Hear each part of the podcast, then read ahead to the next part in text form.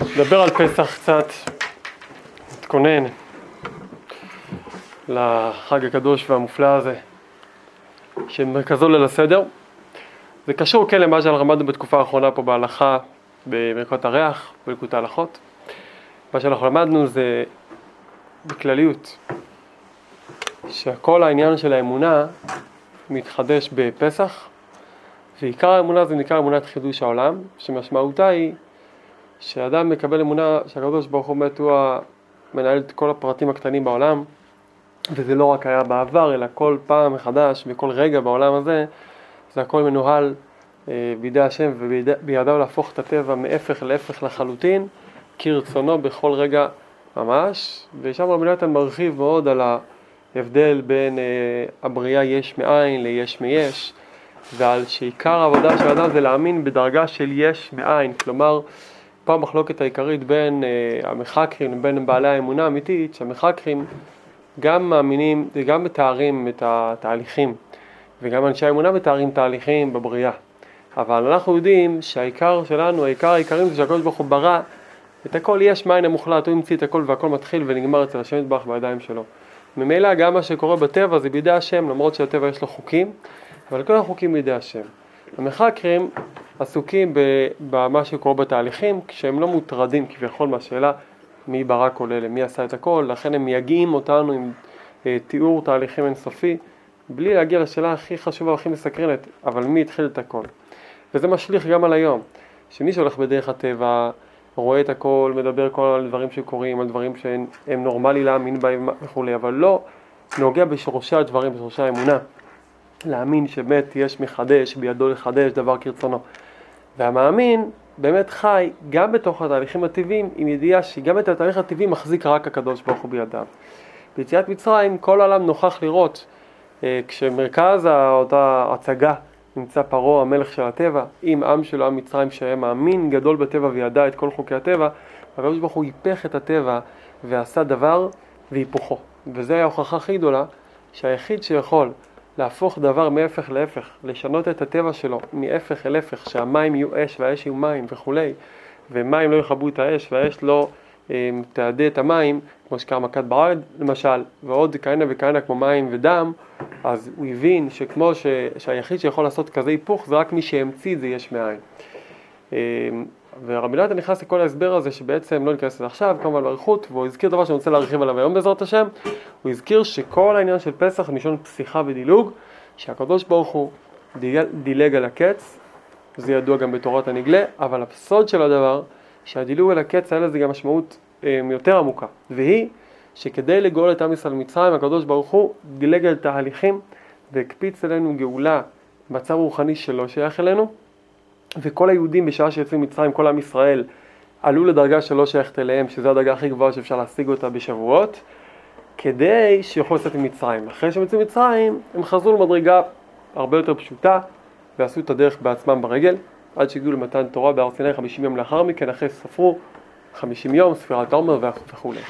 אז זה רבי נתן מבסס מהלך גדול וחשוב בהלכה הזאת, וזה פותח לנו צוהר לאחד היסודות הגדולים ביותר. אצל הארי הקדוש בנושא לכוונות פסח, שזה כל הבסיס לכוונות ליל הסדר. אז אני רוצה טיפה לדבר על העניין הזה, מה קורה בליל הסדר.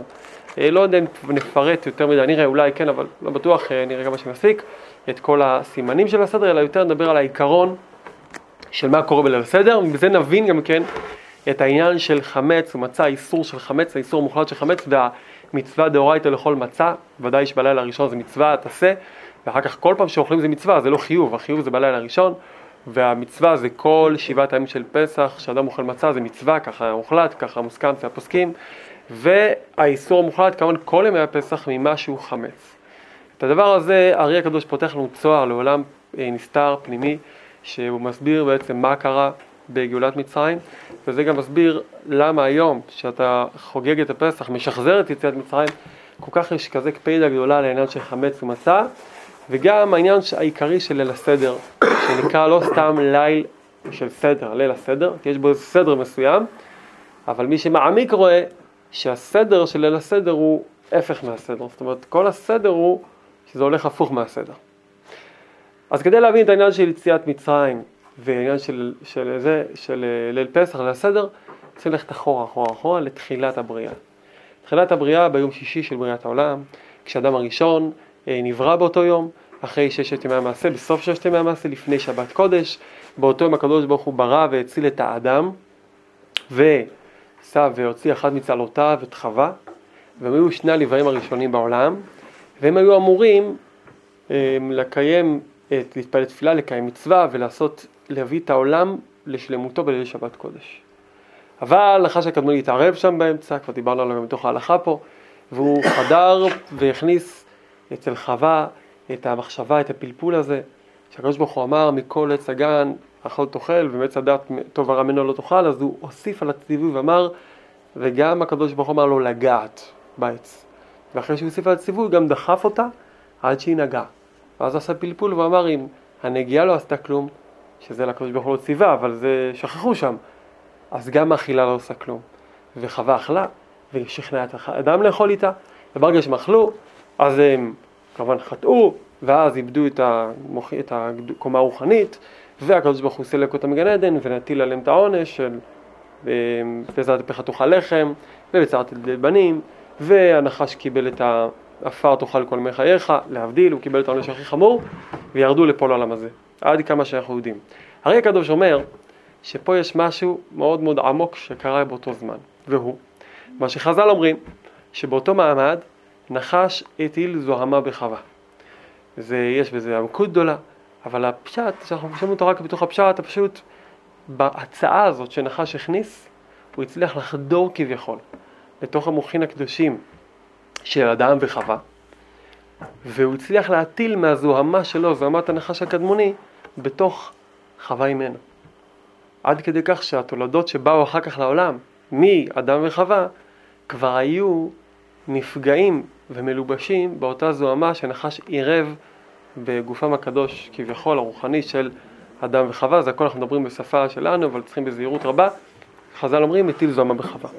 כל הנפשות שבאו בעקבות אותה, באותו, אחר כך בלידות הבאות, שנחלקות בכללות לקין והבל, כל נשמות העולם אה, מתחלקות, מי בארי הקדוש, לקבוצות של קין והבל.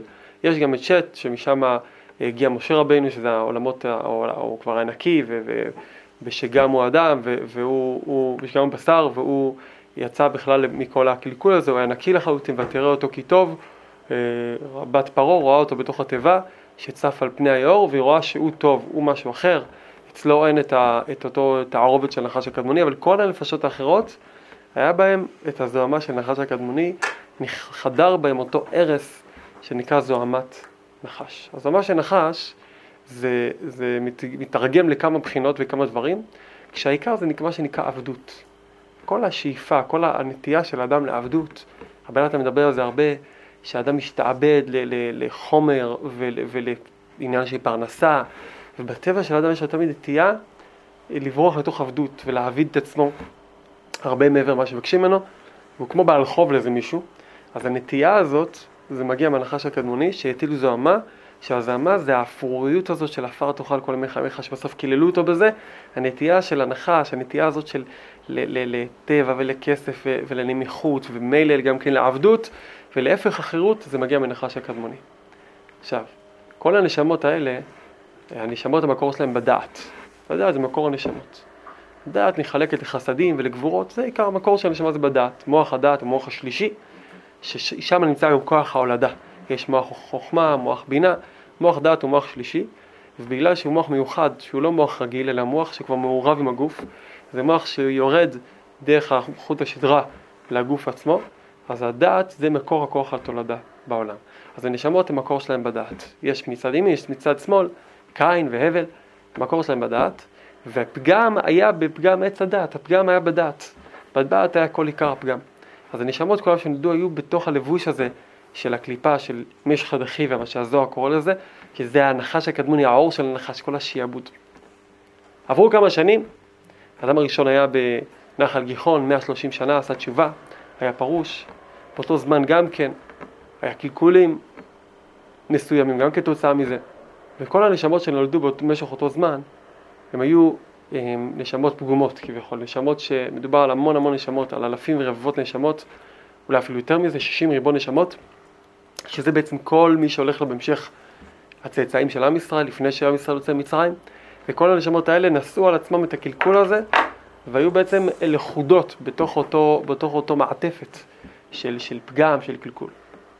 כשהגיע הזמן שירדו ותואל למצרים, אומר ארי הקדוש, מצרים שימש כמו, שימשה כמו כור היתוך, שלתוכו הכניסו את כל הנשמות, שהיו נראים כמו תערובת של זהב עם כל מה שמסביב. שיש שם מכרות של זהב, אז המכרה זה מקום שבו בעצם לא רואים זהב כמו מטילי זהב, כמו שנראה לאנשים שלא רואים מעולם דבר כזה, אלא רואים עפר ופסולת, ובפנים יש מי שמזהה את הערוצים של אותו צבע אה, חרדלי כזה, מן אותו צבע כזה שקצת שונה מהצבע הרגיל, ושם מזהים, לפעמים זה גרגירים, לפעמים זה ערוצים בתוך הסלע, שיש שם זהב ופירורים דקים, או בערוצים דקים שמעורב בהמון המון אבן, מינרלים שונים. ומעניין שהקדוש ברוך הוא חילק את העולם, יש שליש מן העולם ששם יש הרבה שפע ואין שכל בכלל, וחלקים אחרים שאין אוצרות טבע ויש הרבה שכל, וככה יש חלוקה טובה, שאלו עובדים במכרות הזהב בשביל דולר ליום, ואלו מפיקים כל יום מהמכרה כמה מאות אלפים דולרים מהזהב שהפיקו מאותו מכרה, אבל אנחנו יודעים שבלי התהליך הזה של הכבשנים וכל התהליכים האלה, אין זהב. האריזל אומר, נשמות ישראל לפני גלות מצרים היו זהב בתוך בטן האדמה. מעורב בסיג וכל הפסולת, זה היה רק, אפשר להוציא מפה נשמות ישראל, אבל הנשמות מעורבות טוב ורע ברמה הכי גבוהה של תערובת שאפשר. מצרים הייתה כבשן וכור היתוך. זה הייתה מצרים. הם היו רשעים גדולים, אבל זה היה מקום של כור היתוך. בכור ההיתוך הזה הכניסו את תנועות ישראל כדי להפיק מהם את הזהב הנקי והזך, שזה הנשמות בעצמם, ולהפריד את הקליפות. איך זה נעשה? אז אחד הדברים שאפשר לקרב קצת אל השכל זה ככה. וזה עמוק וזה מאוד קשור גם להיום לכל אחד ואחד. מתי שיש דבר שמעורב טוב ורע, שזה החוויה של רוב בני האדם, רוב החיים, כי העבודה שלנו זה לברר טוב ורע, טוב מרע, אז התערובת טוב מרע זה דבר שקשה מאוד להבחין בו. למה קשה מאוד להבחין בו? כי תערובת כשמה היא, זה מעורב לחלוטין. זה לא, זה כל דבר שהוא לא מעורב בשבס מותר להפריד את זה. מה זה בוירר? בוירר זה שדבר שהוא מעורב, אתה מתקן אותו. כשזה נפרד, גם אם זה קרוב אחד לשני, זה לא מעורב, ואותו דבר בכליים. לא ניכנס לכל הדברים שכן, אבל חלק לפחות מנחות הכליים זה דברים שבעין זה מעורב, זה אחד בתוך השני. אבל כיוון שזה ניכר בגלל צורה, ראש טור או משהו כזה, אז זה כבר לא נקרא כליים, כי זה ניכר שזה נפרד. אותו דבר בהלכות שבת, שיש לך קבוצות של דברים, מאכלים, אפילו שזה כביכול צמוד אחד לשני, כי אם זה לא מעורב, זה לא מעורב. תערובת זה דבר שמקולקל, שהדבר הזה מעורב, וכשאני מתק... מפריד, עשיתי בריאה חדשה, ויצרתי משהו חדש שלא היה לפני כן.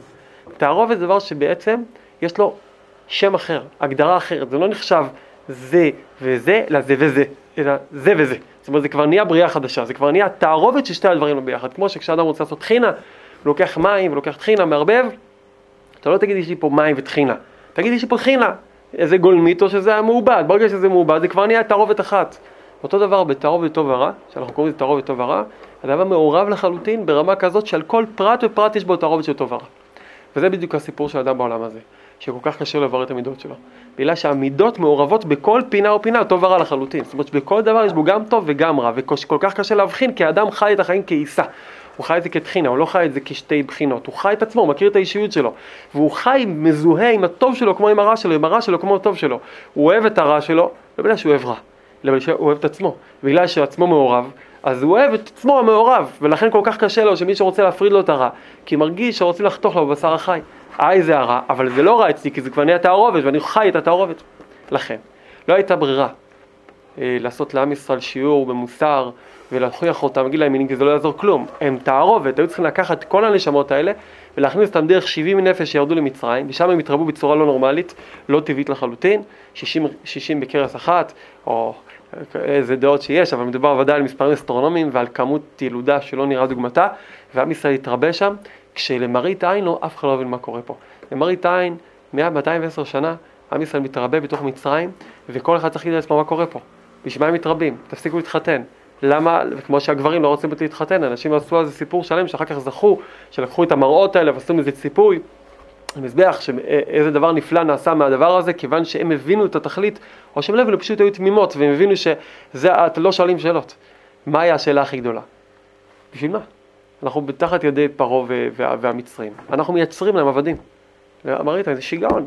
אתה תשאל אותך שאלה פשוטה, אתה אומר שהיה ותיר בי ותגדלי וכולי ועוד דברים שכתוב שם במדרש שהתרבו כל כך וילדים קוראים לזה, שישאל שאלה פשוטה, למה? מה הנס הגדול שהתרבנו, שיצרנו לפרעה פס ייצור של עבדים? עד שאתה לא מבין את הפנימיות, זה באמת מוזר. עדיין היה להם אמונה שהם יום אחד יגאלו. נכון, אבל בינתיים שנגאל, להתחתן, מה, מה עכשיו? כן, לא יודעים זה, אם זה יהיה הם או הילדים שלהם. או, אבל בינתיים, בינתיים, אתה יודע שגם האמונה זה לא מדויק של האמונה כזאת, כי הם צעקו אחרי 210 שנה. 210 שנה הם כבר מיואשים למדי. העניין אבל של פקוד, איך אה, שמה ש... פקוד יפקוד, אבל אתה רואה ש... היה להם איזה מסורת שכנראה עברה מדור לדור. וכשמשה רבנו אמר את זה, לא האמינו למשה רבנו כשאמר את זה. זאת אומרת שזה היה, זה לא היה בפועל, זה הייתה ידיעה. זה כמו- זה גם היום עד אנחנו יודעים, אנחנו יודעים. יותר טוב מהם שיבוא משיח, כי אנחנו לא עד כדי כך משועבדים, וקשה לנו לעשות דברים על סמך משיח. אנחנו דואגים לעצמנו היום. בוא נגיד שהייתה השואה איומה, הייתה את אותה שאלה, אנשים שאלו, מה בשביל מה? בשביל מה? בשביל מה? ופה פשוט אנשים ראו גם שאנחנו יותר מזה, עושים לפרעה את העבודה. תחשוב על המצב הזה, כן? זה מצב מטורף. כל ילד נולד בבית שאבא ואמא עובדים אצל פרעה, וכל אחד מהילדים שנולד, או שנכנס לתוך הטיט, או שנכנס לעבודה ישר. זאת אומרת, אין הרבה הבדל בין אם משתמשים בו כחומר מילוי לחומה, שרוצים לסתום את החור בה כדי לחסוך בחומר מילוי, או שמעבידים אותו. זה המצב, מי שקורא את המדרשים זה ממש לא סימפטי. אז מה הריבוי של הילודה? אלא התשובה היא רק לפי הפנימיות. והפנימיות אומרת שכל הנשמות האלה היו מונחים באיזה מקום, והיו חייבים לעבור את כור ההיתוך כדי להזדכך, וזה לא קשור אם הוא יצא משם אברך כולל צדיק ושומר את כל התרג מצוות, אלא זה בירור רוחני. חיצונית הבירור היה נראה מכוער לחלוטין, לא ראו שום דבר. כי כל בירור לא נראה יפה עד שלא מגיע הרגע של ההברקה האחרונה. בשלב, בשעת מעשה הפוך רואים את הרע ואת הטוב מעורבבים וכבר להבין את זה. אז הטהור וטוב ורע זה היה המצב של נפשות ישראל. ברגע שהכניסו את המצרים התחיל בירור, איך התחיל בירור מצרים? הרי מצרים היו הכי רחוקים, הם היו במצב שפל המדרגה. מת- מתי שיצאו ממצרים והקדוש ברוך הוא רוצה לעשות להם ניסים, אז מלאכי השרת שואלים הללו והללו עובדי עבודה זרה, למראית עין אין שום הבדל, אלא הבירור הוא סוד גדול מאוד. שבאמת, באמת, באמת, מה שלא נראה בעין, אבל האמת היא שיש תמיד את הזהות ואת מה שנדבק לזהות. גם כשיש את הרוב הטוב ורע, במרכיב עצמו יש את הדבר שהוא הדבר עצמו, ואת מה שנדבק אליו. יש את הנשמות ישראל, יש את הרע שנדבק אליהם. נכון שהוא כל כך התערבב בהם שכבר לא מכירים, אבל ודאי שאיפשהו יש את המהות ויש את מה שנדבק. איך אני יכול לברר בין מהות לבין קליפה, ששמה כן היא קליפה שנדבקת לפרי? יש דרך אחת. ברגע שמכניסים את הדבר המעורב למקום שכולו רע, שבמהותו הוא רע, אז החלק הרע הולך על דרך של מצא מין את, את מינו, ודבר שואף לשורשו. יש לנו טבע גם בטבע, שכל דבר מחפש את השורש שלו. כשאתה לוקח בן אדם ושם אותו בתוך חברה, הוא יימשך לצד מסוים בחברה. הצד הזה זה הצד שמבטא בעצם את הנטייה שלו הפנימית שיש לו, את מה שגובר אצלו עכשיו. כשעם ישראל יצא ממצרים, בין אם ירצו את זה או לא ירצו, אם יודעים או לא יודעים את זה, זה לא משנה. הרע שלהם שהוא כקליפה, מצא סוף סוף רע מקורי. המצרי היה רע מקורי. היהודי היה טוב, מחופה ברע, עד לבלי הכר. אבל המצרי הוא רע מקורי, זה רע. וכשברגע שהיהודי נכנס לתוך כור ההיתוך של מצרים, הקליפה החיצונית מתחילה להתנתק ממנו, וככל שהמצרי רודה בו ומכה בו, ומבזה או משפיל אותו, הרע של היהודי נפרע. הרי לא נקרא לזה אפילו יהודי, הרע של אותם נפשות נפרד ממנו, קוראים אני יותר שייך אליו מאשר אליו. כשיש לי משהו ש- שיותר אני שייך אליו, אז אני מתנתק אליו ומתחיל להתקרב אליו, ואותו רע שהיה דבוק לנשמות ישראל הולך ומתנתק ונדבק ברע האמיתי. מנגד, מגלה הרי הקדוש, במצרי היו נקודות של טוב שסתם נפלו אצלו בגלל החטאים ובגלל כל מה שקרה, נפלו אצלו ניצוצות של טוב. הם הולכים מתנתקים ומגלים את עצמם כמתקרבים ונמשכים לכלל, לכלל ישראל, ולהם קראו ערב רב. הם היו מעורבים בתוך מצרים, והם הולכים ונצמדים לעם ישראל. הראשון שהתעסק איתם היה יוסף הצדיק, שלקח את העם והעבירו אותו, עשה להם טרנספרים, הוא פשוט כל מי שבא לבקש להתגייר, הוא עשה לו ברית מילה, עם כוונה לעזור להם להתנתק מהרע, הוא ידע שאלו ניצוצות קדושים של נשמות קדושות שנפלו לתוך מצרים, והוא עשה להם מעבר. לעיר אחרת, בזה הוא עשה להם תיקון של גלות, ובכך הוא תיקן את, ה, את הנפילה שלהם, בתיקון הגלות, כמו שצדיקים נהגו לעשות, אז הוא העביר אותם לערים ואת האוכלוסייה הוא העביר לעיר אחרת, וכך הוא גרם לנידוד אוכלוסין בכל מצרים, בנידוד הזה הוא בעצם ניתק את, את המבנה הרגיל של מצרים, והוא בעצם יצר מצב שבו אף אחד לא נמצא במקום הטבעי שלו, אז כל אחד נמשך יותר בקלות לשורש שלו. אז הערב הם נמשכו להתחבר לעם ישראל, והחלק הרע של עם ישראל נדבק למצרים. כשיצאו ממצרים, אז יצאו גם כל נשמות ישראל, מי שזכה, ומי שלא, אז זה חלק מהרע שנשאר אצל המצרים, שזה היה הרבה יותר מהנשמות שכן יצאו, כי זה חלק הרע שנשאר במצרים ונשאר נפול שם, כי זה כבר לא היה חלק מעם ישראל. והערב רב, השני שהתעסק זה היה משה רבנו, שהקדוש ברוך הוא אומר לו זה על דעתך. אתה מתעסק, יש בזה הרבה סכנה, ונמאסו רק כך צרות לעם ישראל, ובעקבות אותן צרות, עם ישראל גם זכה במשכן, ובהסתכלות יותר רחבה, זה נוצ... הפך להיות חלק מהתהליך של עם ישראל, הערב רב, כי הם בעצם הביאו לנו חוץ מצרות גם את המשכן, בעקבות חטא העגל, בעקבות הפיוס של משה רבנו, בעקבות כל מה שהתגלגל מזה, אז זה בעצם התוצאה החדשה שיוצאת ממצרים אחרי 210 שנות בירור.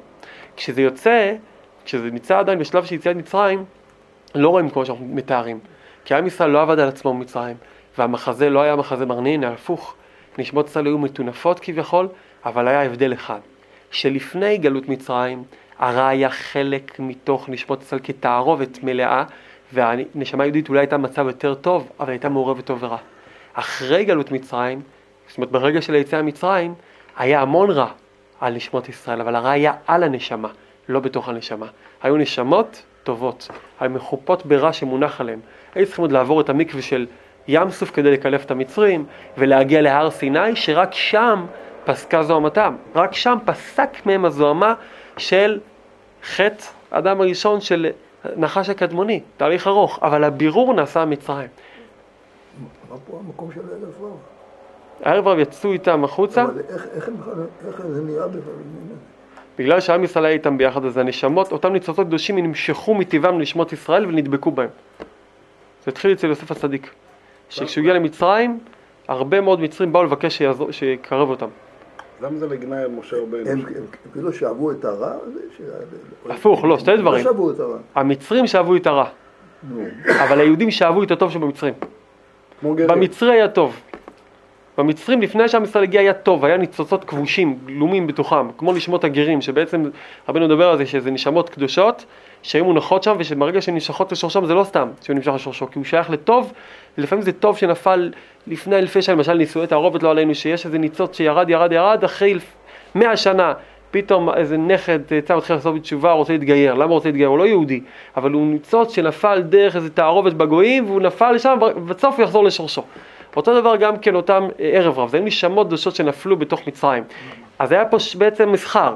היהודי התנתק ממנו הרע המזויף, הלך לרע המקורי של המצרי, והטוב המזויף של המצרי, שבעצם היה טוב יהודי כבוש, חזר לנשמות ישראל כערב רב.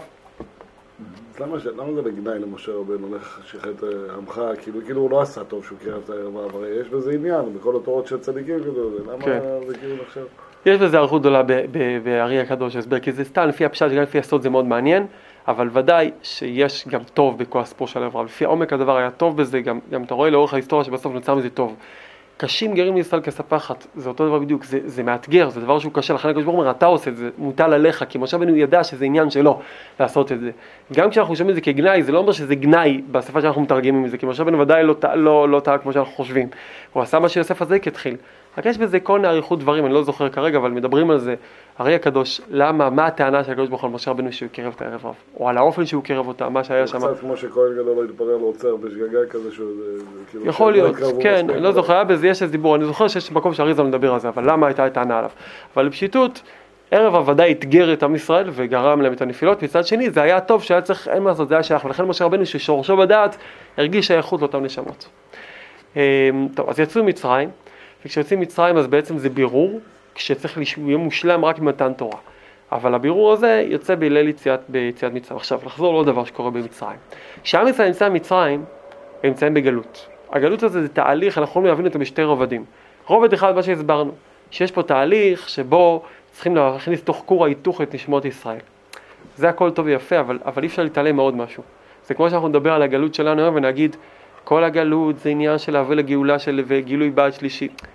בסדר, תכלס, אבל אתה לא יכול להתעלם מזה שרוב עם ישראל נמצא רחוק מהיהדות, ושיש כל מיני חטאים ועוונות, ושיש נשירות ונפילות בלי סוף, גם זה גם חלק מהסיפור. אז כשאתה מסתכל עליהם בחוץ, אולי לעתיד אבל נוכל לדבר על זה בשפה הזאת, אבל היום אתה מדבר על גלות בצורה אחרת, אתה, אתה מדבר על גלות כטרגדיה, אתה יושב בתשעה באב על הרצפה. ובדיוק באותו רמה, אנחנו צריכים גם להסתכל על גלות מצרים. חוץ מההסבר האמיתי הזה, שזה היה הסיפור, אבל יש לזה עוד, עוד, עוד צד, והצד היא שגלות מצרים הייתה גלות, וכל הגלויות נקראות על שם גלות מצרים. וגלות מצרים היה דבר שבכלל לא משחק ילדים, זה דבר שהיה מסוכן מאוד מאוד, שהקדוש ברוך הוא פחד מה יקרה עם נשמות ישראל. ולכן אנחנו נאמר שמצד נוסף על העניין של הגלות. והצד הנוסף זה, זה דבר שבאמת כל אחד יכול להעתיק לעצמו, ופה מדובר גם, עניין גדול מאוד בליל הסדר, זה כל החגיגה של ליל הסדר, זה שכדי להיכנס לגלות מצרים קרה משהו למעלה. ופה אריזון מסביר מה בעצם המשמעות הפנימית של הגלות. בפשט, מה שנקרא, גלות זה שעם ישראל כבוש תחת אומות העולם, תחת מצרים. וזה פלא, שכל אחד שואל את עצמו. האבות הקדושים, אברהם, יצחק ויעקב, היו משפחות הכי מכובדות בכדור הארץ באותה תקופה. כדור הארץ לא היה כמו היום, לא היה שם מיליארדים, היה שבטים, לא היה מיליארדים, לא יודע כמה היה, אפילו מיליונים, לא יודע כמה היה, לא היה כל כך הרבה, אבל הם היו הכי מכובדים בכל העולם. ברור שכל העולם ידע, מכל המדרשים מדברים על זה, שהעולם ידע ממשפחה הכי מכובדת, כולם נחשפו ורצו להיות אה, אה, נשואים, אפילו להיות פילגש בביתו של אברהם אבינו ולא להיות נשואה למישהו אחר, כמו שכתוב על אה, תמנע, תמנע. שכתוב עליה על הגר, אבל תמנע, כתוב, כתוב ככה שכולם נחשפו להיכלל במשפחה הקדושה הזאת והמפורסמת הזאת. צאצאים, בנים, לא צאצאים, בנים של יעקב אבינו יורדים למצרים, ודור אחר כך, דור אחר כך הופכים להיות עבדים, כמו באפריקה, למשך דורי דורות, זאת אומרת 210 שנה, תשמע, זה, זה, זה היסטוריה. זה היסטוריה. 210 שנה זה היסטוריה, רק במושגים של היום, אנחנו מדברים על 70 שנה, פה בארץ, כן? תכפיל את זה פי שלוש. לא נורמלי, לא יאומן. תבין, תבין מה זה מדובר, זה היסטוריה שלמה, זה דורות שלמים של עם של עבדים, לא יקום היהודי האחד החכם, חתן פרס נובל, שימציא משהו כדי להעיף את המצרים האלה, כדי להחליף את המקום שלו. איפה דבר כזה חזר עצמו? זה לא חזר עצמו אף פעם. היה לנו תקופות שהאינקוויזיציה זה לא היה כל כך הרבה שנים. גם כן, גם היה שנים, אבל אחרי כל עם ישראל התפתח לפחות במקומות אחרים, אז זה המקום שזה, אבל במקומות אחרים, אה? גם שואה. גם שואה, כמה שנים וזה, ובמקומות אחרים לא היה. פה כל עם ישראל, אין מקום שיש יהודים במקום אחר בעולם, כל עם ישראל נמצא תחת ידו של פרעה, אננס, עם כל הקלגסים שלו, ואין שם חומות אפילו, אלא רק כשפים, ו-210 שנה אף אחד לא מצליח, לא מצליח להוציא ראש, והיה שם גם כוללים. שבט לוי למד כל היום תורה, במצרים. לא יאומן כי יסופר. וזה היה גלות מצרים. הרי זה מסביר דבר עצום. ואם נתרגם את זה לשפה שלנו, ההסבר הוא כזה. לא היה צריך כלום כדי להבדיל בין גלות לגאולה, כי אם ליהודי היה מוחין בגלות מצרים, לא הייתה גלות מצרים. זאת אומרת, עם ישראל איבד את המוחין באופן קולקטיבי, כולם, באופן יוצא מן הכלל, כל עם ישראל וגם ההנהגה הרוחנית השלטת על עם ישראל, שנקראת זר אנפין, נכנס לעיבור, לא רק לקטנות המוחין, אלא למצב הכי, הכי נמוך, כבר נסביר אותו, מצב שנקרא עיבור. מה זה קטנות בקטנות? זה קטנות דקטנות, כבר נסביר את זה. עם ישראל כולו נכנס לעיבור, ולא רק הוא, אלא כביכול הקדוש ברוך הוא, אנחנו אומרים את זה בשפה נזרת, כי הקדוש ברוך הוא זה לא האינסוף ברוך הוא, זה פרצוף, זה הנהגה רוחנית שנקראת זעיר אנפין, הנהגת התורה, נכנס למוחין דעיבור, שכבר נסביר מה זה המשמעות של זה. לא הבחירה להיות יהודי? קשה?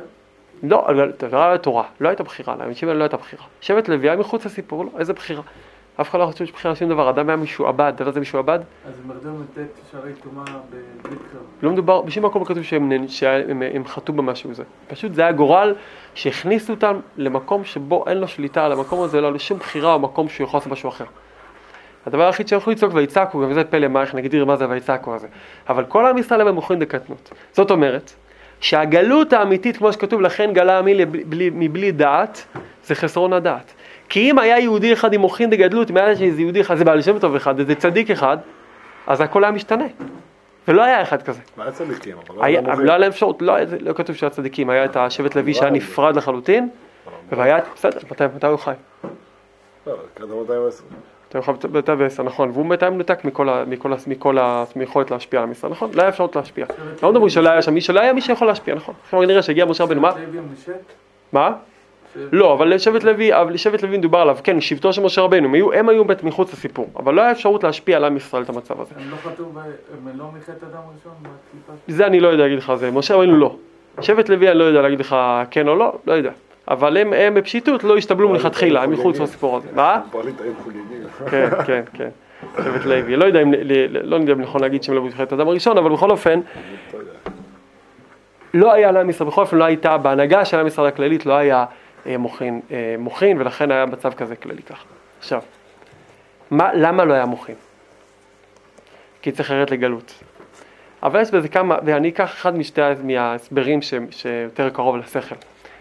בעצם, כשעם ישראל נמצא בתוך מצרים, אז הייתה בעיה גדולה מאוד. כי המשמעות האמיתית של גלות מצרים, כמו שאריזה מסביר, זה שהמצרים ינקו מהכוחות הרוחניים של עם ישראל. כמו שכתוב בתיקוני זוהר, והסברנו את זה כבר, הזכרנו את זה, אני זוכר בשיעור הזה, ש, שבעצם בגלות הגויים, באמת נוקם בגויים בגלל שהם יותר רשעים מכל דבר אחר, בגלל שהם לוקחים גם את הצינור של השפע ששייך ליהודים, מה שאף פעם עם ישראל לא עשה לגויים גם כשהוא היה במצב מעמד עליון כמו אצל אברהם אבינו, שהגר, שרה אימנו ביקשה לסלק אותה, אבל את הצעדה הדרך נתנו להם, שזה מרמז שהשאירו להם את הצינור של השפע. אבל כשעם ישראל יצא בגלות, הגויים לוקחים גם את צינור השפע וגם את זה יונקים.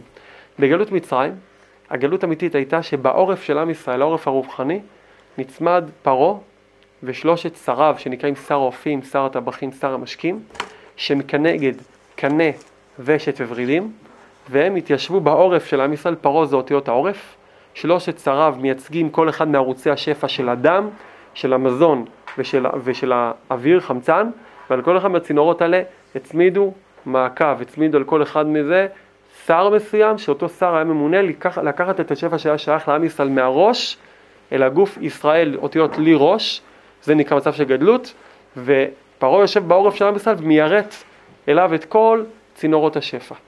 למה הוא יכול לעשות את זה? כי אנחנו היינו בקטנות. למה היינו בקטנות? בגלל חטא אדם ראשון לא ניכנס לאריכות של זה. אבל פרעה יונק מהקטנות. ידוע שתמיד הקליפות יכולים לנוק מהקטנות. עכשיו, מכיוון שנוצר כזה מצב, מיד סגרו את השיבר לחלוטין. למה?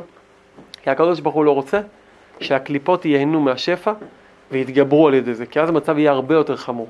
אם עם ישראל יהיה במצרים עם שפע נורמלי, אז המצרים שיש להם שליטה על היהודים יקבלו כוח מהשפע שמיועד לעם ישראל, ולכן בזמן הגלות סגרו את צינורות השפע עד לרמה מינימלית, והדבר היחיד שהושפע זה רק הלבושים של המוחין, שהם גימטריה דם. כי הרי מוחין מגיעים מעולם הבינה, שזה שם עקה, באחוריים של עקה זה דם, לכן היה חוויה של דם. דמים ודמים, דמים, זה בזיונות רבנו בתור ו', שהעם ישראל חווה עשרה מיני דמים, שזה האיסורים, זה השפיכות דמים שעברו עליהם, במקום שיהיה להם שפע, מזון רוחני, הם חוו רק דם, ביזיונות ואיסורים, שזה המצב החיצוני ביותר של שפע כשיש קטנות גדולה מאוד. עכשיו, אם הבנו שכל הגלות היה קטנות כל כך גדולה, וסגירת כל הצינורות של השפע, כשהקדוש ברוך הוא רוצה להוציא את צבאות בני ישראל למצרים, מה הוא צריך לעשות בשביל זה? כלום. להגדיל להם את המוחים. תגדילו את הראש. אם תגדילו את הראש, אף מצרי לא יכול לשלוט עליו. כל השלטון של המצרי זה שליהודי אין ראש. בגלל שאין לו ראש, אפשר לנהוג ממנו. אם רק אני אקח אותו, ירים לו את הראש, באותו רגע אף מצרי לא יכול לשלוט, אבל הוא נהיה יהודי הגיבור, שאף אחד לא יכול לתפוס אותו, כמו שרואים, שהיו כל מצבים שבהם עם ישראל היה בכזה שפל המדרגה, שאי אפשר להבין במצב אחר איך היינו בכזה מצב שפל. מסבירים לך, כשליהודי אין מויכין, רוחניים, כן, כוחות רוחניים, הוא לא יכול כלום. כשיש לו מוחין, הוא חושב שהוא סופרמן, הוא הכי גדול בעולם, והוא מנצח את כל המלחמות, והוא חושב אחר כך שזה מכוחו. וזה עניין של מויכין. ברגע שיש שפע רוחני, יש הכל. אז למה לא לתת מוחין וזהו? תן להם מוחין והכל יהיה בסדר. פה מתחיל הסיפור של ליל הסדר. כשהגיע הזמן להוציא את עם ישראל למצרים, מתי הגיע הזמן הזה? אז זהו, שלא הגיע הזמן. זה כל הסיפור של ליל הסדר, שלא הגיע הזמן הזה. הזמן היה צריך להיות בעוד 400 שנה, זאת אומרת עוד 190 שנה אחרי הזמן שבו קרה הדבר. כי רק אז היה נגמר התהליך, ורק אז היה נגמר הבירור, ורק אז היה אפשר להוציא כמו שצריך. אבל הקדוש ברוך הוא צפה ורע, שאם הם נשארים עוד רגע אחד בגלות מצרים, והם כבר נמצאים עכשיו במ"ט שערי טומאה, לא יהיה את מי להוציא יותר. זאת אומרת שכבר זה לא יעזור כלום. אז צריכים להוציא אותם עכשיו. אבל עכשיו המצרים בשיא ההתגברות עליהם. אז איך אתה מחלץ אותו ממצרים? תן לו מוחין, תוציא אותו ממצרים, אי אפשר לתת לו מוחין.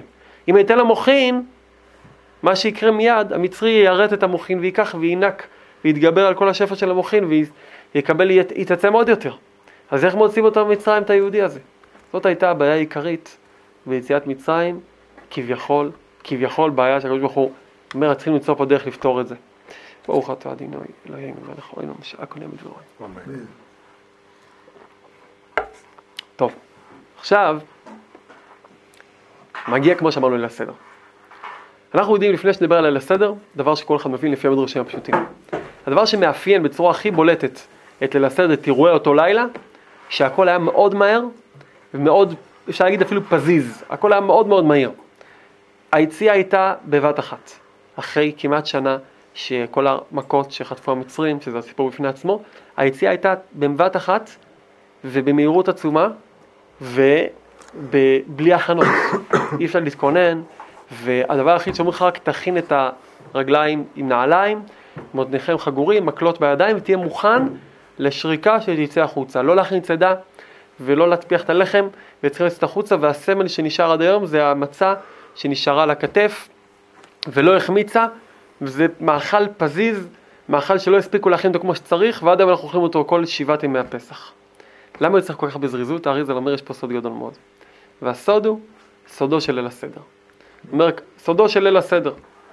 הסוד של הסדר הוא שבאותו לילה, כדי להוציא את עם ישראל ממצרים, הקדוש ברוך הוא עשה הנהגה שמעולם לא הייתה, והיא שהוא נתן להם שתי דברים. אחד, הוא נתן להם עלייה רוחנית שאי אפשר להשיג אותה אף פעם בבת אחת, אלא אחרי כך וכך פעולות, הוא נתן את זה בבת אחת.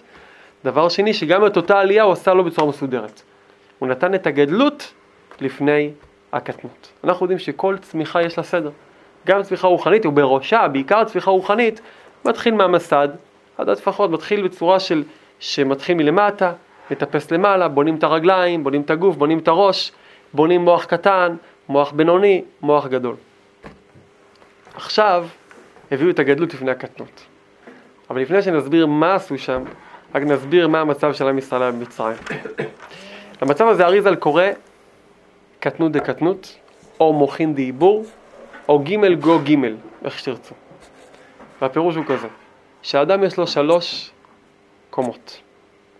קומה אחת נקראת ראש, שזה חב"ד, חוכמה, בינה ודעת, שזה חלק השכל, חלק של המוחים. קומה השנייה נקראת גוף, שנקרא לזה יותר אה, רק הגוף, שזה נקרא ידיים, גוף, יד ימין, יד שמאל והגוף באמצע, בלי הרגליים, שזה בעצם נקרא חסד גבורה תפארת, אנחנו קוראים לזה מידות. קומה שלישית נקראת רגליים, שהם נקראים איבר מגופה, מחוץ לגוף, הם לא חלק מהגוף, הם דבר חיצוני לגוף, זה נצח עוד יסוד, שזה כנגד המעשים. מחשבה, דיבור והרגשה ומעשה, שלוש קומות. קומה שלמה זה אדם שלם, שיש לו ראש, יש לו הרגשות ויש לו מעשים. אדם כזה כמעט לא קיים. על פי רוב אדם אין לו, אין לו מחשבות, יש לו בעיקר מעשים והרגשות קצת. מחשבות זה דרגה גבוהה, זה כבר עם קומה של שכל. מחשבות שאנחנו חושבים זה לא נקרא מחשבה, זה נקרא אמ, פלט של המוח. אלא אם כן הוא חושב מהקדוש ברוך הוא שזו מחשבה אמיתית, זה התניא אומר. מחשבה של מידות, זה לא סתם פלט, כן? זה מידות, אדם חושב מידות, חושב מעשים, זה לא נקרא מחשבה. מחשבה שאדם חושב עולה המחשבה, מה שחושב מחשבה שהיא מחשבתית. כשאדם חושב מה אני אעשה זה לא נקרא מחשבה, זה נקרא מעשה ברמת המחשבה, הוא חושב על מעשים. לא, לא, זה גם מעשי, זה שיא המעשה. כשאדם חושב הרגשות, ככה עשו לי, ככה עשו לי, זה גם הרגשות, זה מידות. מחשבות שמחשבה זה מחשבות שכליות עמוקות, זה, זה הסבויננו, זה דרגות מאוד גבוהות של שכל. לפעמים אדם נוגע בזה, אבל זו דרגה גבוהה, זה בדרך כלל דבר פחות מוכר. זה באמת מה שנקרא, ודאי שיש בחינה שגם ב, ב, במידות יש מוח, אבל המוח האמיתי הוא מוח שהוא שכל של שכל. כמו מי שמתבונן על אותיות ומעמיק את מחשבתו, זה דברים שהם הם לא מה אני אעשה, מה אני אוכל, מה איפה אני אלך, זה, זה רמה של מעשה. מרגשות זה מידות, אהבה ויראה וכולי. ומעשים זה מעשים. כשאדם יש לו מוחין שלמים, אז יש לו חב"ד, חגת נאי, יש לו את כל הקומה. זה נקרא גדלות. לא ניכנס לאיזה גדלות, זה נקרא גדלות מוחין, זה נקרא מויכין, נקרא לזה מויכין. או גדלוס או מויכין. יש דרגה שנקראת יניקה, יניקה זה אחד שיש לו רק שתי קומות. הוא מרגיש הרגשות ועושה מעשים. יש לו אהבה ויראה, ויש לו מעשים שהוא עושה. זה נקרא קטנות. יש דרגה יותר נמוכה, שזה רק מעשים. הוא לא מרגיש כלום, הוא פשוט עושה את המעשים בצורה מכנית. יכול להיות שהוא עושה את המעשים בשלמות. לזה קוראים עיבור. למה זה נקרא עיבור? כי בעיבור הגמרא מתארת את העובר כמו פנקס, שראשו בין ירחותיו, זאת אומרת שאתה מסתכל עליו ואתה רואה רק רגליים, שמאחורי מסתר הגוף, ובתוך הגוף כבוש הראש, בין, בין הרגליים כבוש הראש. זאת אומרת שאתה רואה רק נצח עוד יסוד. זה נקרא פנקס, שהכל מקובל פנימה. אז אריזה מתאר שמתי שיש אדם נכנס למצב של קטנות דקטנות, גם הקטנות שלו נמצאת בקטנות. גם הקטנות שלו נמצאת בקטנות. הוא לא מרגיש כמעט כלום, הוא רק עושה מעשים, הוא רק מרגיש את המעשים, שזה טכני לחלוטין. וזה נקרא עיבור, זה נקרא מצב שבו הוא נעלם לחלוטין. בגלות מצרים כל נשמות ישראל כביכול במצב כזה, וגם ההנהגה הרוחנית הייתה במצב כזה, שלא היו מוחין. לכן כשמשה רבנו מגיע לפרעה, אומר לו, הקדוש ברוך הוא שלח אותי, הוא שואל מי זה, אומר לו, י' כו' כי אומר, אני לא מכיר כזה דבר. כי מאז שפרעה זוכר את עצמו, לפחות מאז שהוא היה מלך חדש, הוא לא ראה י' כו' כי הוא ראה כאלוקים. י' כו' כי היה בעיבור. הוא לא ראה את השם הזה, הוא ראה מקובל, הוא ידע דברים, את זה הוא לא ראה. אז בגלל שהוא לא ראה את שם י' כו' אז הוא אומר, מי הוויה אשר ישמע בקולו, אני לא מכיר את זה. אין הנהגה כזאת, זה בעיבור. זה בהסתרה שבתוך ההסתרה. עם ישראל לא יודע מזה, ופרעה לא יודע מזה. רק משה רבנו פגש את הקדוש ברוך הוא, ולכן משה רבנו שואל תגיד לי מה אני אגיד להם, איזה שם, תגיד לי איזה שם, הרי אתה לא כביכול, אין הנהגה, אז הקדוש ברוך הוא אומר, אכה אשר אכה. שאמר לו, אני אהיה איתם פה ואני אהיה איתם גם בגלויות האחרות. אני רק יכול להגיד לך דבר אחד, שם הוויה אין פה, אני לא יכול לצייר לך, הנה אני נמצא פה, כי זו הסתרה גדולה ונוראה. אני יכול לתת לך מילה אחת, זה קוד, שתיקח אותו בתוך המוח שלך, אני אהיה איתך.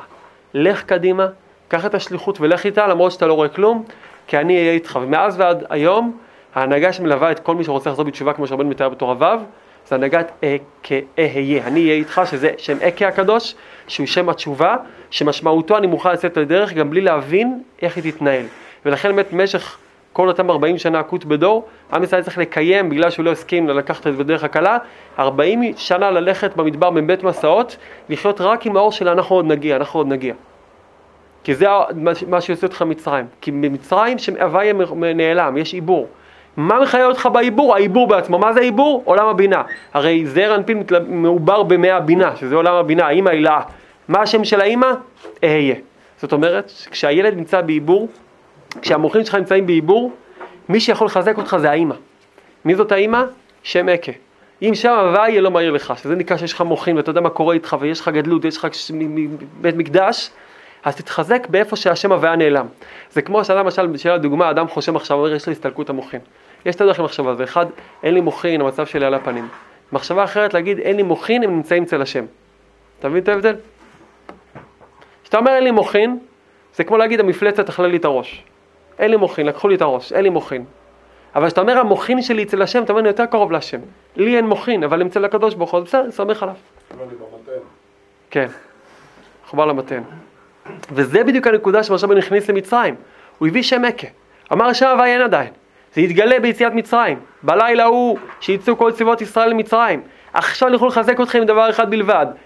אני אהיה איתכם, ואשר, זה גם עולם הבינה, אשר יהיה גם בשאר הגלויות, תדע לך שהולך להגיע עוד גלויות, זה המתנה שלי להגיד לכם שיהיה עוד גלויות, תבין שעכשיו יש לך אפשרות לעשות סדנה של התחזקות, שתלמד טוב טוב שם עקה, כי אתה צריך להתחזק איתו עוד הרבה. כל הגלויות נקראות על שם מצרים מול חז"ל, וכמו אם עכשיו תתאמן על זה, גם בשאר הגלויות אתה תחזיק מעמד, כי זה לא גלות שאין אחרי גלות, זאת גאולה שתהיה אחרי הגלות, גלות יגיעת מצרים זה לא סוף, סוף פסוק, רק הגאולה שאנחנו מחכים אליה. לכן היו צריכים הרבה הרבה להתאמן איך חיים משם עקה. וזה השם של לפני יציאת מצרים. עכשיו, השם הזה ליווה את עם ישראל עד אותו לילה. אבל באותו לילה היה צריך להיות לידה, שהלידה הזאת, ושיצא סוף סוף הזעיר אנפין הזה, ההנהגה של הקדוש ברוך הוא, ההנהגה של כלל ישראל, המוחין של כל עם ישראל, מהיעלם אל הגילוי שזה קורה בליל הסדר. מה קורה בליל הסדר? בעצם נולד, נולדת את אותו הנהגה, נולד החוצה, ובעצם אז מתבטא גם במילים של הקדוש ברוך הוא.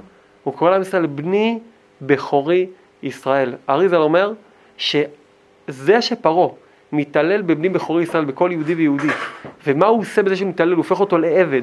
בעבדות בעצם מוחק את הזהות שלו כבן המלך, ועשה אותו בדיוק הפוך, במקום בן המלך עושה אותו עבד עבדים, בעצם הוא גם מתנגד לא רק ליהודי שנמצא פה, אלא גם לבן העליון הוא קורא לזה. כמו שבעולם הזה יש יהודי שהולך ויש לו מצב רוחני נעלה או נמוך, אז למעלה יש הנהגה שנקראת קודשא בריחו, שזה הנהגה שמשגיחה על עם ישראל, וזה הבן הבכור של הקדוש ברוך הוא, של האין סוף ברוך הוא, יש לו בן בכור שנקרא זעיר אנפין, הנהגה של התורה הקדושה שהתגלתה בהר סיני, בזה פרעה כופר.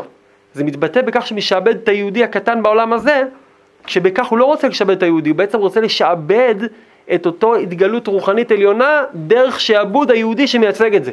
זאת אומרת, בזה שפרעה מחזיק תחת ידיו עבדים הרי זה פלא, הוא לא עשה איתם תועלת כמעט. הנאצים יימח שמם השתמשו בכל העבדים שלהם, באנשים שהעבידו אותם כדי לבנות את האימפריה שלהם, את כל הרייך השלישי. עד היום רואים כל מיני מקומות מנהרות ענקיות שאנשים בידיים שלהם סללו, אפשר להבין איך אנשים סללו את זה, הם, הם, הם השיגו תועלת, הם היו רשעים חמורים ונוראים, אבל הם השיגו כביכול תועלת. פרעה העביד עם שלם של עבדים במשך 210 שנה, כשהעבודה אנחנו מכירים, יודעים מה העבודה, הייתה עבודה לשם עבודה, פתאום ואת רמסס, והיה להם כל מיני סוגים שבמדרש מופיעים כל מיני סוגי התעללויות חסרות תכלית, פשוט רק להתעלל בעם ישראל, תאסוף לי, תפזר, תאסוף, תשפוך מה שאספת כל הזמן, זה היה אחד הדברים הכי מענגים אצלם, להביא אותו סתם, למה? אני לא צריך את העבודה שלך. מי צריך? המצרי עליהם מלא מלא גם כן, אה, כל כך הרבה אנשים שיעבדו אצלם, שעשו את העבודות, הפירמידות שאנחנו מכירים היום במצרים בנו אנשים הרבה הרבה לפני עם ישראל. היה להם כל מיני חבר'ה שידעו את כל מיני חוכמות של כישוף, איך לסחוב אבנים, אולי צריך כוח עבודה במובן הזה. הם פשוט השתמשו באנרגיות הרוחניות כביכול של עם ישראל, כדי להשיג שליטה על ההנהגה הרוחנית של עם ישראל. דרך זה שאתה משעבד את היהודי לו כוח לחשוב על עצמו אפילו, אין לו מוח, אז פרעה מקבל חיות מהיהודי הזה. בזה שהוא משעבד מצאו לו את הנשמה. זאת אומרת, בזה שעד היום יהודי מונח ברדיפה אחרי ממון ואחרי כל השטויות שלו ואחרי הפחדים שלו, הוא לא מפרנס אף אחד, את עצמו לא מפרנס וגם לא אף אחד אחר. הוא מזין, זה כוחות שמריצים אותו כל הזמן בכל העולם, שזה בעצם נקרא שרי מצרים, שרוצים להשתמש באדם ברדיפות, בפחדים שלו, ברדיפות שלו, שהוא רדף אחרי עצמו, אחרי הזנב של עצמו. זה עיקר השימוש שמשתמשים באדם, לא מפיקים תועלת כספית מזה. התועלת זה תועלת רוחנית, ששרי אומות העולם שולטים מעם ישראל דרך זה שמשעבדים אותם סתם, סתם. וזה בדיוק המשמעות של גאולת מצרים. אומר אריזל, שכל הטענות של משה רבנו לפרעה, תשחרר את עם ישראל. בני בכורי ישראל זה הולך בכפל לשונות, כפל משמעויות. גם תשחרר את היהודי הזה שאתה רודה בו, ואני מבין, אני רוצה שתשחרר למעלה את ההנהגה הרוחנית, כי כביכול הקדוש ברוך הוא הניח לפרעה לשלוט בהנהגה הרוחנית של עם ישראל שנקראת זעיר אנפין.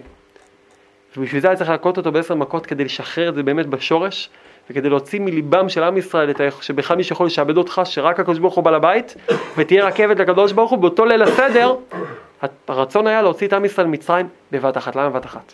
כמו שאמרנו, אי אפשר להוציא אותו בגלל שברגע שיטפטפו לו מוחין, יקבל איזה פרעה שהוא בעל הבית עליו, הוא שולט עליו, מה אני אעשה איתו? יש מבצע חילוץ, צריכים לחלץ נשמה יהודית מאיזה כפר ערבי שנקרא מצרים, פתאום ורמסס. איך מוצאים את הנשמה הזאת? מי שלא נכתיר זה, פה מגיע עיקרון מאוד מאוד גדול. היית בדיוק, זה ממש לב לאחים. העיקרון הוא כזה, אנחנו יודעים שיש עיקרון שנקרא תתוה גובר, נכון? מה זה תתאה גבר? שמי שנמצא למטה, יש לו כוח יותר חזק ממי שמטפטף מלמעלה. זה גם לגבי אה, יכולות- נושאים של תערובות, גם בנושאים של עניינים של חום וקור. מה שנמצא למטה יש לו כוח יותר גדול כי הוא כבר צבור והוא כבר יש לו נוכחות והוא כבר קיים, לו, הוא יושב במקום שלו. מי שמטפטף מלמעלה למרות שיש לו עליונות כביכול שמגיע מלמעלה, אבל כיוון שהוא נופל למקום שכבר קבע עובדה, אז מי שנמצא בתוך הקערה מתגבר ומבטל את מי שמגיע מלמעלה. עכשיו יותר מזה, יש לנו דבר מה שנקרא קאמה קומה בוטיל. כשאתה רוצה לבטל דבר, אתה מטפטף אותו. למרות שאחרי הטפטוף יימצא להם מפרע שהחומר שטפטפת לתוך חומר שנמצא למטה רבה עליו, אבל זה לא, אלא הפוך, למטה אנחנו מתייחסים לזה שמה שנמצא למטה הוא זה שמתגבר. אילו היית שופך בשפיכה אחת באמת היה רבה עליו, אבל כיוון שטפטפת אותו, כל טיפה בטלה ברוב, ומילא גם כשיש רוב, כביכול היה אמור להיות רוב מטפטף, המקום שאליו טפטף הוא נקרא כרוב בגלל שקאמה קאמה בוטיל. כשאתה מטפטף דבר, אם הוא לא מגיע מכה ומבטל, הוא מתבטל, ולא משנה כמה כוחות יגיעו אחר כך. אמרתי למשל, מי שיודע, מרמרה היה כזה את, ה, את הספינה של, שהלכו לעזה, מטורקיה, הטורקים עד היום אה, כועסים, הטורקים עצבניים עד היום. מה קרה שם?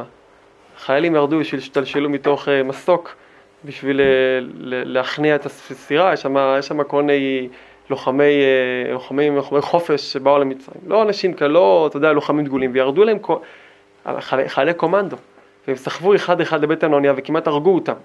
עד שהיו צריכים, היה שם מלחמה נוראית, בסוף היה שם תוצאות קשות אה, לשתי הצדדים, בכל אופן, לא היה תוצאות פשוטות. ומי שהתבונן וראה מה שקרה שם, אז, אז ראה, לא יודע בדיוק מה, מה אמרו לעשות, אבל הטעות לכאורה שהייתה שם, כמו שאחר כך, זה ברור שלא לא פעלו שם בחוכמה, זה שטפטפו את החיילים לתוך המון אה, של לוחמים שהצטיעו עליהם אמצעי לחימה, וכל חייל שנכנס לתוך המחר מיד קיפלו אותו, מיד ניצחו אותו. אם היו נופלים מיד קבוצה של חיילים מכל הכיוונים, היו מנצחים אותם, ברגע שהם לא העריכו נכון את הכוח שיש למטה. אפילו שירדו לשם אנשים חזקים, חמושים בכל כלי הנשק, אבל קם כמה בוטיל, כל אחד שנפל לתוך ההמון הזה, מיד השתלטו עליו והכניסו אותו לבטן האונייה, אז אתה יכול להוריד 100 חיילים, אבל מספיק שיש לך על כל אחד מטפטף חייל חייל ועל כל אחד יש 10 כדי להביא את התוצאות האלה. והקדוש ברוך הוא לא רצה שיהיה תוצאות כאלה במצרים כביכול, לטפטף את המוחין, שיהיה כמה כמה בוטיל, וזה היה המצב אם היינו מקבלים מוחין דקטנות, אחר כך גדלות א', אחר כך קטנות ב', אחר כך גדלות א', כמו הסדר הרגיל. לכן הקדוש ברוך הוא הוריד לנו בבת אחת את כל הסריה של המוחין, ויותר מזה, הוא הוציא את המוחין דגדלות והוריד אותם לפני המוחין דקטנות, כי מוחין דקטנות זה מסוכן לתת, קודם כל הוריד כל הגדלות, ואחר כך הוא הביא את הקטנות, כדי שהמכה של האור תסלק מאיתנו את אחיזת המצרים לפחות לזמן מה, ואז הקומה היהודית תצמח עד לשמיים, עד לשיא הצמיחה שלה, ברגע הזה כבר אין למצרי שום שליטה ליהודי, ואז עם ישראל יוצא ממצרים בראש מורם, כמו שהמדרש אומר, הסברנו אותו כמה פעמים, שעם ישראל יצא ממצרים בריחוף מעל החומות, עשו פסח ראשון בהר המוריה וחזרו ללכת ברגל, אבל היציאה ממצרים הייתה לא דרך הטבע, אלא מעל החומות עם מוחין דגדלות עצומה שלא מתאים למצב שבו הם היו. אנשים היו 210 שנה בלי שכל, בלי תורה, בלי כלום, וגם עדיין לא הייתה תורה, כמו אדם צועק פה בהלכה, לא הייתה עדיין תורה. אבל היה מוחין דגדלות. תשאל איך היה מוחין דגדלות בלי תורה, אני לא יודע, סיפור הבעל שם טוב. לא היה תורה והיה מוחין דגדלות. היה, היה באמת אור גדול, יהודי לא היה לו כלים תורניים, לא היה לו שום דבר שהוא יכול להבין את הדברים, אבל היה לו אור עצום, שזה מה שהוציא אותו ממצרים. וזה הסיפור של ליל הסדר. בליל הסדר יש לנו סדר עצום של מקדש עד נרצע, שכל, יש לנו, במרכז הסדר יש לנו שני דברים, אני רק אדבר על שתי הדברים האלה, על שלושה דברים בקצרה, שזה נקרא יין ומצות. וגם כרפס ניתן שתי מילים על זה. היין והמצות. היין זה מוחין מצד שמאל, מצות מוחין מצד ימין. יש לנו קוירך שזה באמצע. כשיין נקרא לזה מוחין דהימה, זה מוחין דאבא, זה אומר ככה, גם המצות וגם היין הם מוחין גדלות עצומים. זה מביא לנו את כל המוחין. אדם אוכל את המצות, שותה את היין, זה האמצעי שהקדוש ברוך הוא בחר שאנחנו נקבל את המוחין. למה דווקא המצות? בפנימיות ודאי שיש עניין, וגם בהלכה צריכים לבדוק טוב טוב איזה מיץ ענבי שותים. לא, בסדר, אני אומר כאילו מצד שזה משקר, שזה כאילו... מצד שזה, שזה יין, שזה אמיתי. שוב, זה לא, זה בהלכה, קודם כל הלכה, אדם שזה קשה לו, אז... כן, וגם צריך לבדוק שזה מאה אחוז ושזה יש שם הרבה דברים שהם על סף שאלה אם זה, אם זה כשר.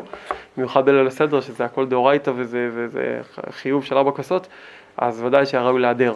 אבל יין יש בזה עניין, יין, יין זה, המילה מויכין זה על היין בעיקר. מה? מה זה? עם הכוסות, אבל כל הסדר כולו. עכשיו, בכל אופן, החיוב שתיית יין בכל אופן. הדאורייסה של הקבולה. אז כל ההמשכה העיקרית זה ארבע, ארבע, ארבע כוסות, ארבע כוסות האלה, זה, זה המוחין דהימה, זה, זה, זה המוחין דגדלות בצד שמאל, המוחין דגדלות בצד ימין זה נקרא מצות, למה מצות זה מוחין דגדלות? אז זה רציתי לצאת להגיד, כמעט שכחתי כדי להגיד את זה עכשיו. זה קצת הפוך מה שחושבים. יש לנו שני סוגים של מוח, יש מוח שהוא, אה, נקרא לזה בכללות קטנות וגדלות. מה זה גדלות? מה זה קטנות? היה אפשר להגיד בסברה שגדלות זה עיון עמוק וסברות, נכון? זה גדלות. כי זה לומדים בישיבי גדולה. אז לא. זה קטנוס. גדלות זה מדרשים וזוהר. לא חייב להיות, אבל אני אומר את זה בכוונה. מה הפשט? מה הפשט? לא שזה יותר חשוב, זה פשוט הגדרה. קטנות זה נקרא כשמה כני, יורד לפרטים קטנים. אדם לא יכול ללמוד סוגיה בעיון עם מוכן דגדלות. הוא יגיד שם, יתחיל להגיד שם וורטים אה, של צירופי אותיות. בשביל ללמוד סוגיה צריכים לרדת לפרטים, לחקור, להתבונן, ככה גם לימוד ההלכה. צריך להעמיק את המחשבה, להתקשות בקושיות, בחומר ובלבנים. זה נקרא מוח קטן. מוח קטן זה מוח שמשתהה וממתין ומחמיץ. יושב זמן עד שמבין את הדבר, רואה את החילוק בין זה לבין זה, רואה את הצורה ואת הציור של כל דבר. איך ההגדרה של חמץ? שיתחילו שם כמו קרניים, כמו כאלה, יתחיל להיות ציור, סיעור, יתחיל להיות ציור מסוים של פסים, איפה שיש ציור, ברגע שזה יותר, ככל שיותר מחמיצים זה מקבל טעם, מקבל חללים, יתחיל להיות טעם. גדלות זה מוח כמו הבזק אור, אין בו טעם, אתה לא יכול להסביר אותו, אתה לא יכול להתאים אותו, אין בזה טעם, אין בזה, אין בזה ציור בכלל, פשוט אור, אור גדול מאוד. יש הרבה ספרים של צדיקים אנשים לא מקבלים בזה טעם, כי זה גדלוס. צריך לא המילים מלך, אתה מבין, יש לך טעם בזה? זה גדלות, זה גדלות עצומה, רק אתה קורא, מבין שיש פה פצצות, שיש פה צדיק שמדבר בקדוש ברוך הוא. וככה עוד הרבה ספרים של צדיקים, שזה גדלות. אבל קשה לך, אתה לא יכול להבין, אין לך ציור פה של סוגיה. אז גדלות זה מוחין פשוטים מאוד, מאוד פשוט. לכן זה גדול. כי זה לא נכנס לפרטים. זה כמו ש, שאדם מגיע, פעם העיר לו משהו, הוא רוצה להגיד שהעיר לו, ואז מישהו מתחיל לשאול אותו, אבל תגיד, תסביר לי איך זה העיר לך. זה קטנוס. לפעמים צריכים את זה, למשל בשביל להסביר הלכה. אבל כשאתה רוצה להסביר אלוקות, אז לפעמים אי אפשר להכניס את זה לקטנות כזאת, כי זה קטנות, אל תשאל אותי שאלה כזאת, עכשיו זה גדלות, תיקח מה שאמרתי, זה הדבר, זה, זהו, זה שבס, זה הדבר, זהו. אי אפשר להכ- להכניס את זה להס- להסבר קטן. זה גדלות. קטנות תמיד קשור להטפיח, לנפח דבר, גם סוגיה, כשאדם עומד בעיון, הוא מנפח את הסוגיה, מקשט אותה, מוציא עוד דברים, זה רק קטנות. בגדלות אי אפשר לנפח דבר, גד- בגדלות אמרת מילה אחת, אמרת את הכל. ניפוח זה כבר לא גדלות. גדלות אתה יכול לקחת נקודה אחת, אומר ריבונו של עולם, מאיר לו כל המוח. הוא לא צריך יותר הסברים. אתה מסביר לי, אתה הורס לי. אבל אם הוא רוצה לדעת איך מניחים תפילין, הוא צריך הכי קטן, תסביר לי בדיוק מה עושים. אל תגיד לי תפילין, זה כבר גדלס, תן לי קטנות, איך מניחים תפילין, איך נזהרים מחמץ, תסביר לי את ההלכה. אז גדלות זה מוח פשוט, וקטנות זה מוח מורכב, מוח חמוץ, כן?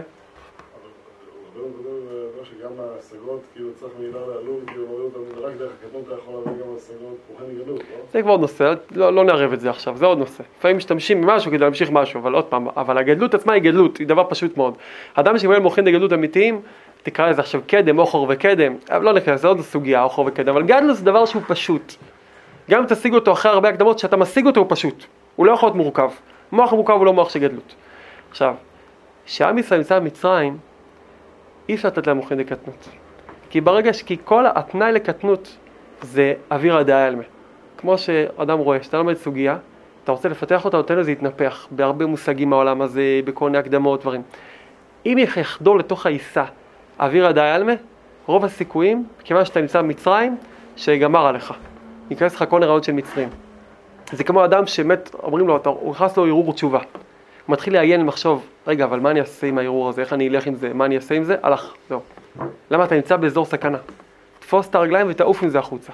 קח את הגדלות ותברח איתה. ברגע שאתה נותן לעצמך לנסות להבין את האור, אתה תשאר במצרים. מתי מותר לך וראוי שתעשה את זה? כשאתה נמצא מחוץ לטווח סכנה, למרגלות הר סיני, אחרי שחוצץ בינך למצרים ים סוף, אחרי שאין אחריך דולקים ועורבים שזה המצרים, ועכשיו פתח סוגיה, תלמד, לכן רב צודק למשל מדבר על זה שבליל בליל שבועס לומדים, מי שהולך לדרך רב צודק, לומדים גמורה בעיון. כי אז קיבלנו את כל- את הכוח של העיון.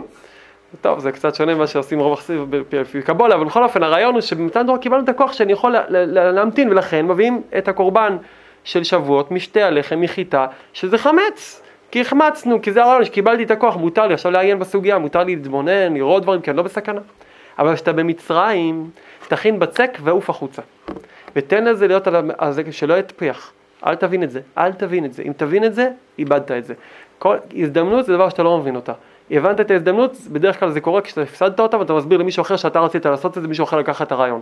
וכשאתה רוצה לצאת ממצרים זה הזדמנות, צא עם ההזדמנות, אל תנסה להבין את ההזדמנות. אתה תבין את ההזדמנות, תמיד זה יהיה אחרי שמישהו אחר עשה את זה במקומך, אחרי שהפסדת את ההזדמנות. לכן, אנחנו יודעים שביציאת מצרים בפסח אוסרים עליך בל ייראה ובל יימצא פירור אחד של חמץ. אל תחדיר שום התבוננות במה שקורה לך. תן לדברים לשטוף אותך, לקרות לך ותלך איתם בתמימות ופשיטות, תהיה מצה. וזה גדלות המוחין אמיתית. וזה בדיוק הסוד של מוחין דגלי שמגיעים קודם כל לפני המוחין בקטנות. בפשיטות אנחנו נזהרים מכל סוג של חמץ, גם הקטנות שמגיע זה לא חמץ בפסח. פסח גם הקטנות הכל הכל זה רק מצה. אבל בשביל לתאר את הדבר חמץ זה מוחין דקטנות מפותחים, מצה זה מוחין דגדלות, כן? מה שקשה לי תמיד בדבר הזה, שכאילו, אבל לא מבין, אנחנו, כל השנה אנחנו במצרים, כאילו, מה ההבדל? כאילו, גם מה, שאני בספירת העומר בשבוע, אני אצר, העמיד פרעה שכאילו מציק לי. מה, אני לא מבין את ההיזהרות דווקא בימים האלו, לעומת שאר השנה, כאילו, לא כן? יש? הבדל, במהות יש הבדל תמיד בכל החלקים, לא רק במצרים, לא רק בפסח, בין מה שקורה אדם ברמה האישית לבין מה שקורה מצד הזמן. ברמה האישית יש אנשים שצריכים להתנהג כמו, מצ... כמו, כמו מצד מצרים, כמו שרבינו אומר, יש זריז ונשכר וזריז ונפסד. אדם שהוא צדיק, אם הוא מזדרז בעבודת השם, מפסיד את החלקים שבין מצווה למצווה, בין דרגה לדרגה. אבל אדם שנקרא בעל תשובה, כלומר שהוא צריך לברוח מאיזה רע, אם הוא ישתהה, הוא ייפול ב, ב, בין החריצים בין שתי הדרגות. לכן תדלג, תחמיץ, תברח, תעשה פסח.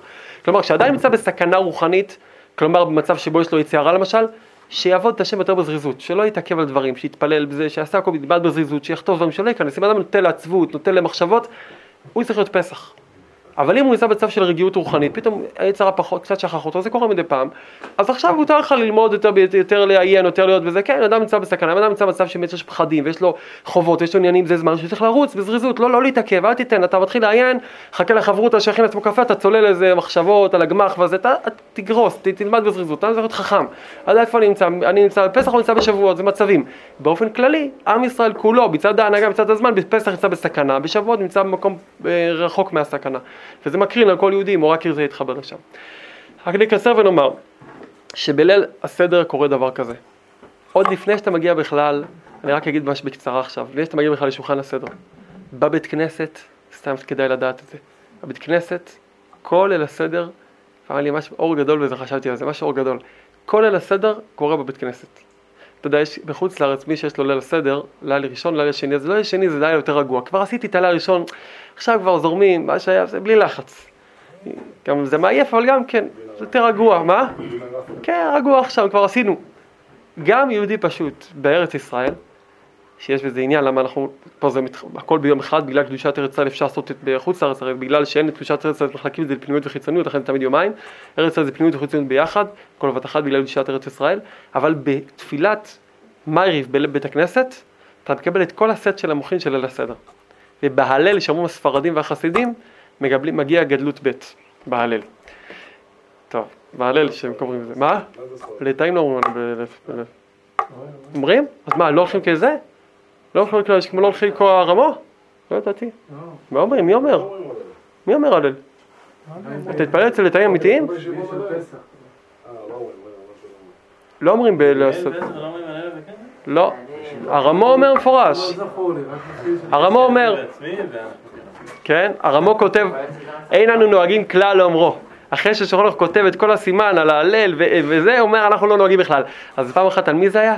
על הבעל שם טוב, שהוא הרי חידש את זה, הבעל שם טוב, הספרדים כן אומרים כמו המחבר, ותמיד אצל היתאים לא אמרו, הבעל שם טוב חידש את זה להגיד גם בלילה.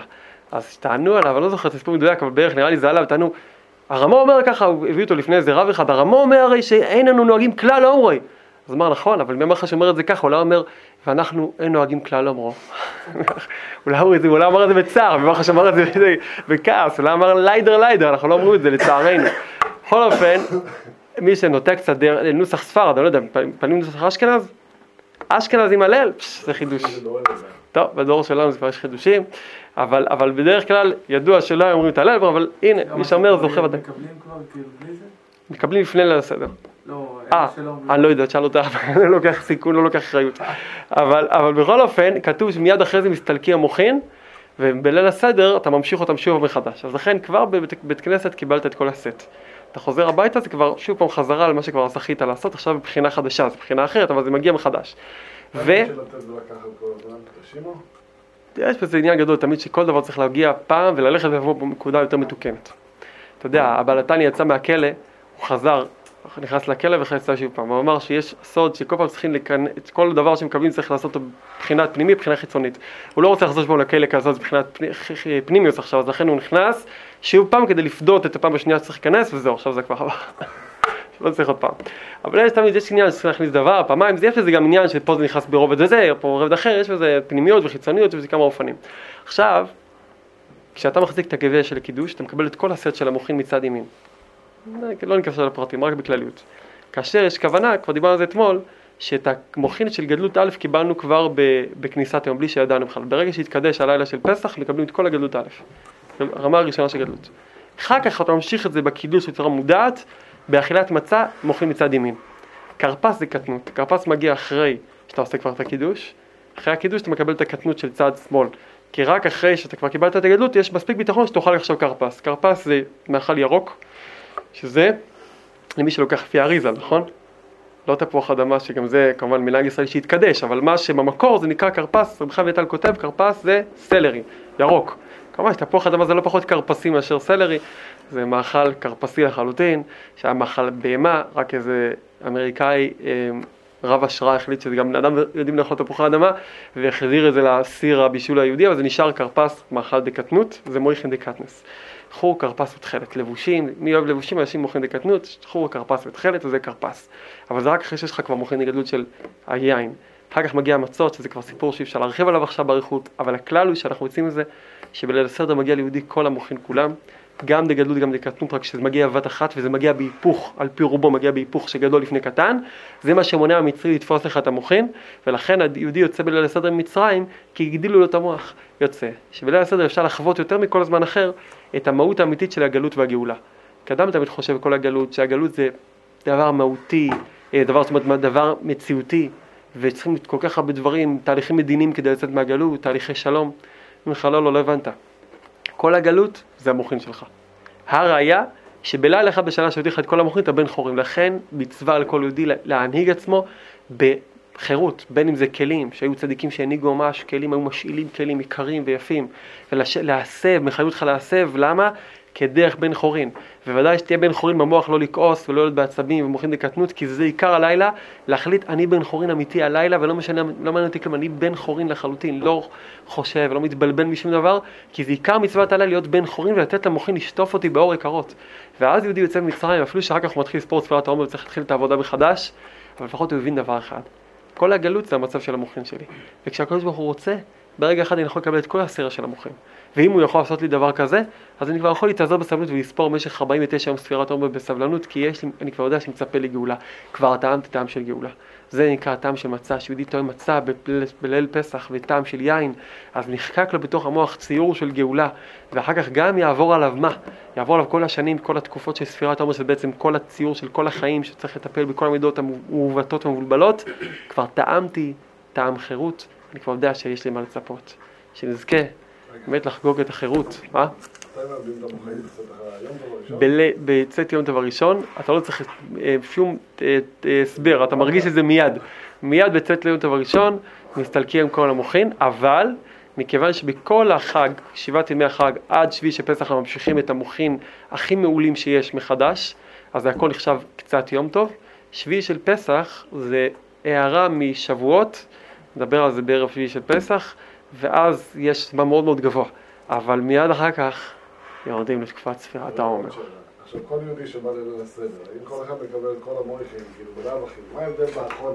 בכלל מה עושה אחרון, הוא יותר מכוון למה זה, מה ההבדל בסופו של דבר? זה מקבל ומסתלק, זה מקבל ומסתלק. באמת, אה, לדעת ש...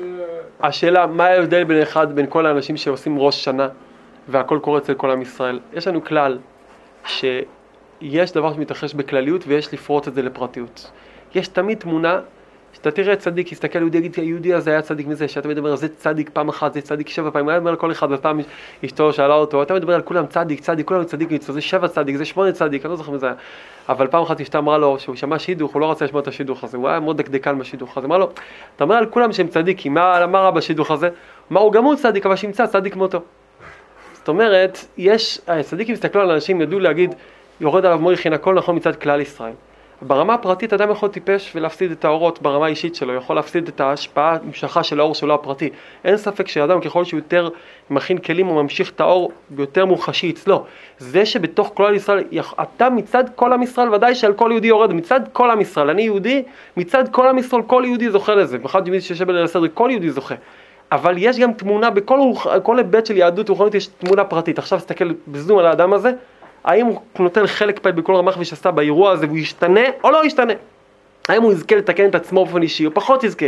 זה תלוי בהכנה של האדם. זה כמו שאדם במצרים, אתה יכול להסתכל שעם ישראל יצא ממצרים, וגם אני חלק מעם ישראל שיצא ממצרים.